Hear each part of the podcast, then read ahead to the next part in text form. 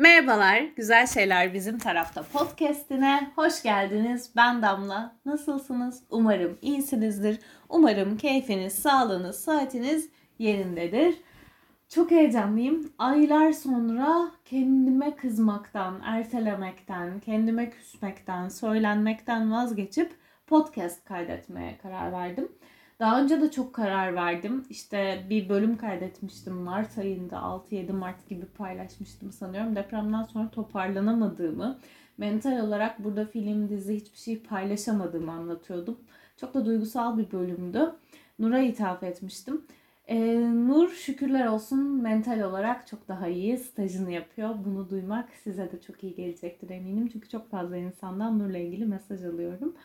Bunun dışında da ben kendimi toparlayamadım. Biraz depreme sığındım. Biraz kendi hayatımdaki süreçlere sığındım. Podcast'ı çok özledim. Filmlerden, dizilerden konuşmayı Instagram'da neredeyse bıraktım. Her şeyi TikTok'ta yapıyorum.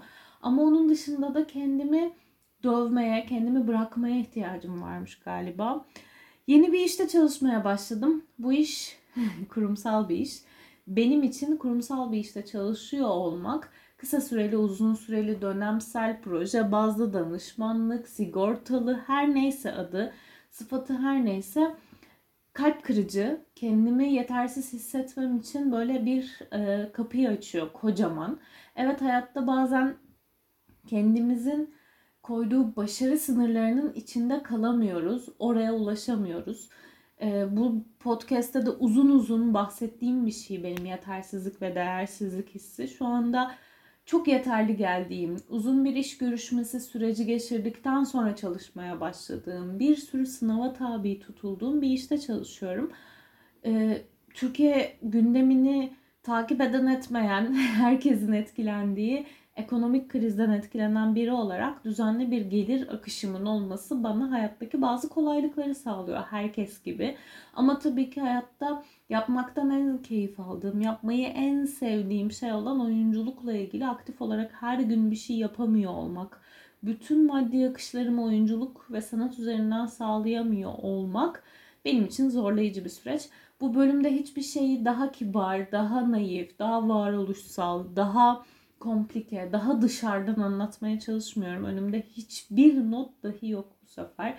Genelde konu başlıklarını belirleyip oradan oraya geçiyordum. Bu sefer tamamen bir zihin akışı olacak.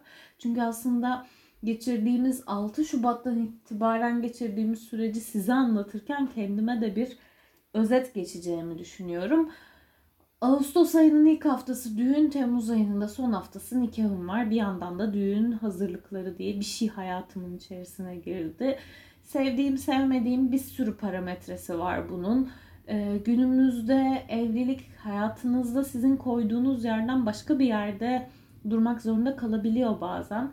Bazen kendinizi kaptırıyorsunuz. Yani ben hiç yemek takımı, işte tencere, bilmem ne, işte gelinlik falan hayal eden böyle beklentileri olan biri değilken hali hazırda yaşadığım ve hatta yaşadığımız evimizin içerisinde evlenirken bile inanılmaz şeylerle karşılaşıyorum. Yani bu işin her konuda olduğu gibi bir maddi tarafı var bir de toplumsal tarafı var. Toplumsal tarafı aslında kendinizi memnun etmekle yükümlü olduğunuzu unutturuyor. Çünkü evlilik ne kadar tekil gibi görünse de bir sürü insanın mutlu olmak istediği bir süreç. Yani sizin anneniz sizin düğününüzden mutlu olmak istiyor, sizin kurduğunuz evden mutlu olmak istiyor, yaşadığınız evden mutlu olmak istiyor, kayınvalidenizin çevresine söylemek istediği var, eşinizin söylemek istedikleri, sahip olmak istedikleri var. Bütün bunları aynı potada eritmeye çalışmak gerçekten insan için zor bir süreç. Bir yandan da yetişkin olmaya çalıştığınız bir dünyada artık yetişkin olmak zorundasınız. Artık hayat sizin sırtınıza başka bir yerden bir sorumluluk getiriyor. Bunun ilişkinizin dinaminde hiçbir şey değiştirmeyecek olması bile önemli ya da önemsiz değil bu noktada. Toplumun sizi algıladığı yer sizin hayatta duruşunuzu ister istemez değiştiren bir şey. Ee, daha meşru bir hayat oluyor birçok insan için. Bazen de kendinizi şeyde bulabiliyorsunuz işte onu istemem bunu istemem derken size tanınan olanak ve alanların içerisinde oyun oynarken bazı şeyleri çok isterken istemediğiniz şeyleri bazılarını kırmamak adına kabul ederken falan bulabiliyorsunuz. Mesela buna şey örneği verebilirim. Biz Bursa'ya İnegöl'e nişanlımın e, ailesi Bursalı olduğu için orada kalıp İnegöl'deki mobilyacıları koca bir mobilyacı AVM'si var. Mobilyum diye ömrümde gördüğüm en ilginç şeylerden biriydi. Böyle 40-45 tane mobilyacı gezdik bir günde. Gezmeye gittik ve böyle günün başında şunu anladık mesela bizim bir koltuktan yumuşaklık beklentimiz bile aynı değil. Dolayısıyla da bugüne kadar aynı koltuklarda oturmuş, aynı yataklarda yatmış, aynı sofralarda yemek yemiş olsanız dahi artık hayatta bir şeyleri birlikte alırken, birlikte bir yola çıkarken ikinizin de ortak beğeni, zevk, ihtiyaç, önceliklerinize göre bir ev ve yuva kurmanız e, bekleniyor. Bu da zor çünkü 30 yaşına kadar, 30'lu yaşlarına kadar kendimden örnek vereyim. Birbirini hiç görmemiş iki insanın bir eve giriyorken %100 ortaklaşması mümkün değil. Bu noktada esneyebileceğiniz şeyleri, esneyemeyeceğiniz şeyleri görüyorsunuz. Ben bunu asla yapmamlarınız oluyor. Bir de ha yapsam da olur ya da yapmasam da olurlarınız oluyor. Bu yüzden de hayat hep önceliklerini belirleyebilme başarısı. Burada da bir insanla birlikte huzurlu bir evde huzurlu bir hayat kurma çabasını öncelik edinirseniz çözüm bulmaya odaklanıyorsunuz. Ama çok stresli geçtiğini söyleyebilirim ki ben minimum stresle yaşayan biriyim. Çünkü Mayıs ayının ortasına kadar gelinlik dahi sipariş etmemiş, ilgilenmemiş. Konuya sadece Antalya'da bayramda bir annesiyle gezmiş biri olarak başladım. Ee, ama stres dozu sadece şununla alakalı değil. Bazen de bazı insanları da memnun etmek zorunda kaldığınızı ve olduğunuzu düşünüyorsunuz. Bazen de bununla ilgili gerçekten. O yüzden hayat her zaman bu noktada size kendi zihninizi, kendi mindsetinizi tutma imkanı vermiyor. Birazcık böyle kendinize dönmeniz gerekiyor. Yani bir dakika bir dakika dur dur dur sus falan demek gerekiyor. Ben bütün bunlarla uğraşırken bir yandan da tabii ki yine işte kişisel kaygılar, ilişki kaygıları, işte ekonomik kaygılar, düğün heyecanı, düğün gerginliği derken ülkemizde bomba gibi bir seçim ilk turu geçirdik. Bu hafta sonunda da seçimin ikinci turu var. Bugün ben bu podcast'i kaydetmeden birkaç saat önce faşist e, Sinan Oğan AKP hükümetini ve Erdoğan'ı destekleyeceğini söyledi. Seçim öncesi ve sonrasıyla da benim hayatımda çok etkili oldu. Seçimin öncesinde gerçekten çok umudum artmıştı. Maltepe'deki Kılıçdaroğlu mitingine falan da gittim ki Kılıçdaroğlu'nun aday olmasını hiç isteyen biri değildim ama eldeki şartlarla benim için bu iktidardan, bu hükümetten, bu ekonomik krizden, bu özgürlük olmayan gündemden kurtulmanın her yoluna mübahım. O yüzden de çok iddialı oldu. Her yoluna mübah değilim ama birçok noktada birçok şeye katlanabilirim deyip Kemal dedeme inandım, güvendim, umuda inandım, hala inanıyorum. Ama sonra ülke gündemi seçim sonucuyla beni çok sarstı. Çünkü ben bu ülkedeki cahil olan kişinin kendim olduğunu gördüm. Bugüne kadar işte her seçimden sonra işte Aziz Nesin haklıymış. Bunların %60'ı aptal koyunlar, makarnaya oy sattılar, cahiller falan diye başkalarını suçlayan bir sürü şey yapmış olabilirim. Yaptım mı yapmadım mı hatırlamıyorum. Ama aklım erdiğinden beri son 8 yıldır falan yapmamışımdır.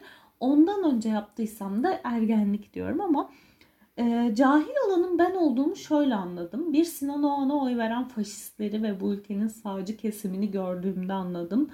E, bir diğeri bu ülkedeki deprem bölgesindeki insanların o oy sonuçlarında evet istedikleri partiye oy verebilirler. Biz onlara hala da e, oy verecekler diye yardım etmedik ve etmeyeceğiz. Bunu kabul ediyorum ki ilk gün çok kırgın hissediyordum kendimi ama sevdiklerinin cenazelerinin enkazlarının üstünde AKP parti binasının önünde çekilen halaya çok üzgünüm. Sadece vicdansız diyebilirim insanların. Çünkü sevdiklerinin kemiklerine verecek bir hesapları olduğunu düşünüyorum.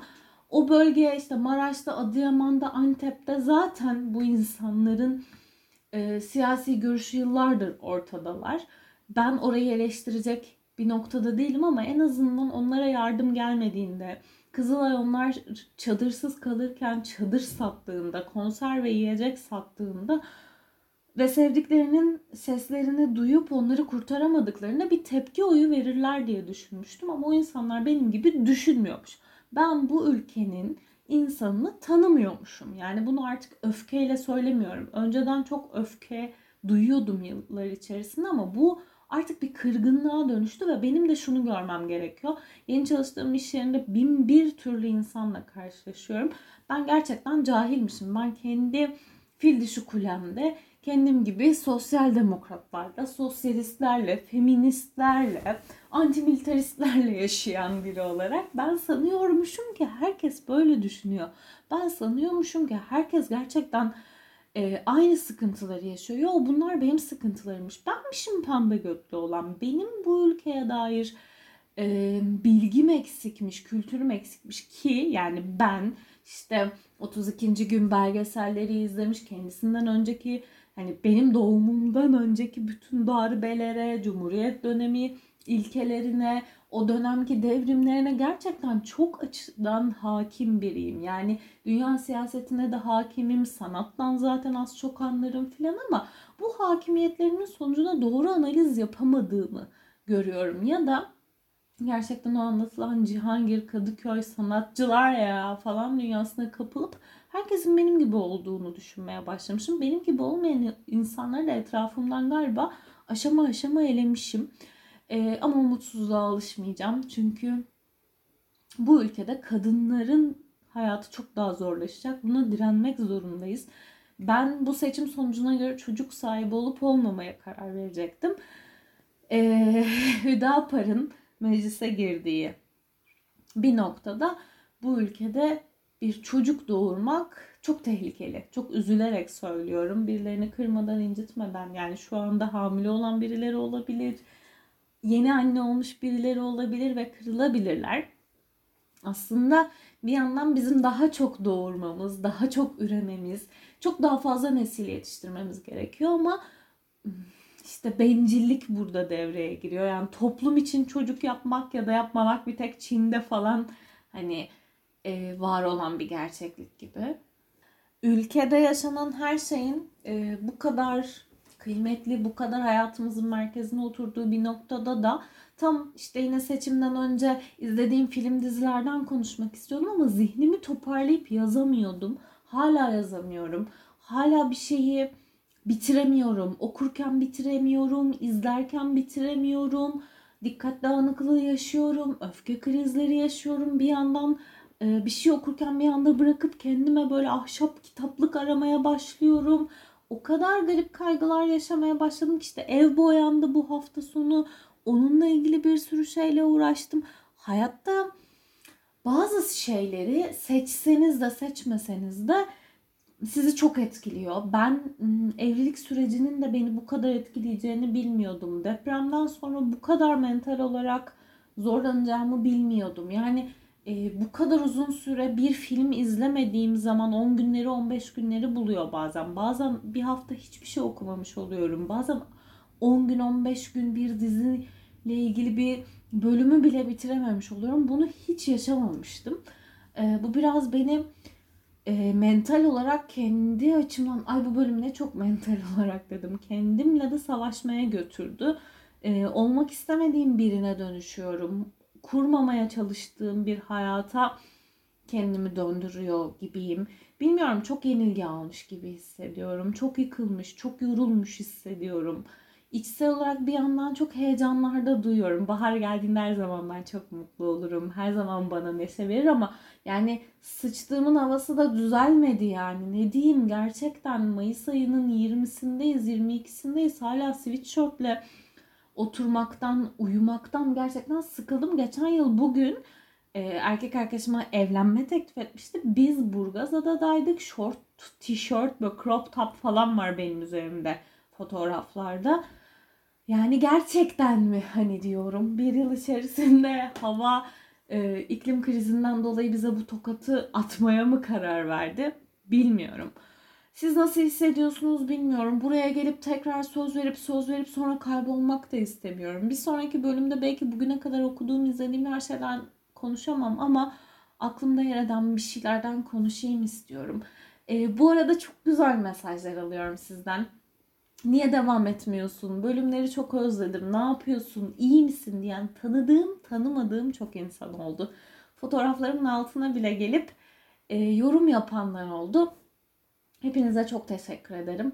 Bana çok iyi geldi burada kendi kendime konuşmak. Beni toparladı, öyle hissediyorum. Umarım size de iyi gelmiştir. Her nerede yaşıyor ve yaşatılıyorsanız mutlusunuzdur.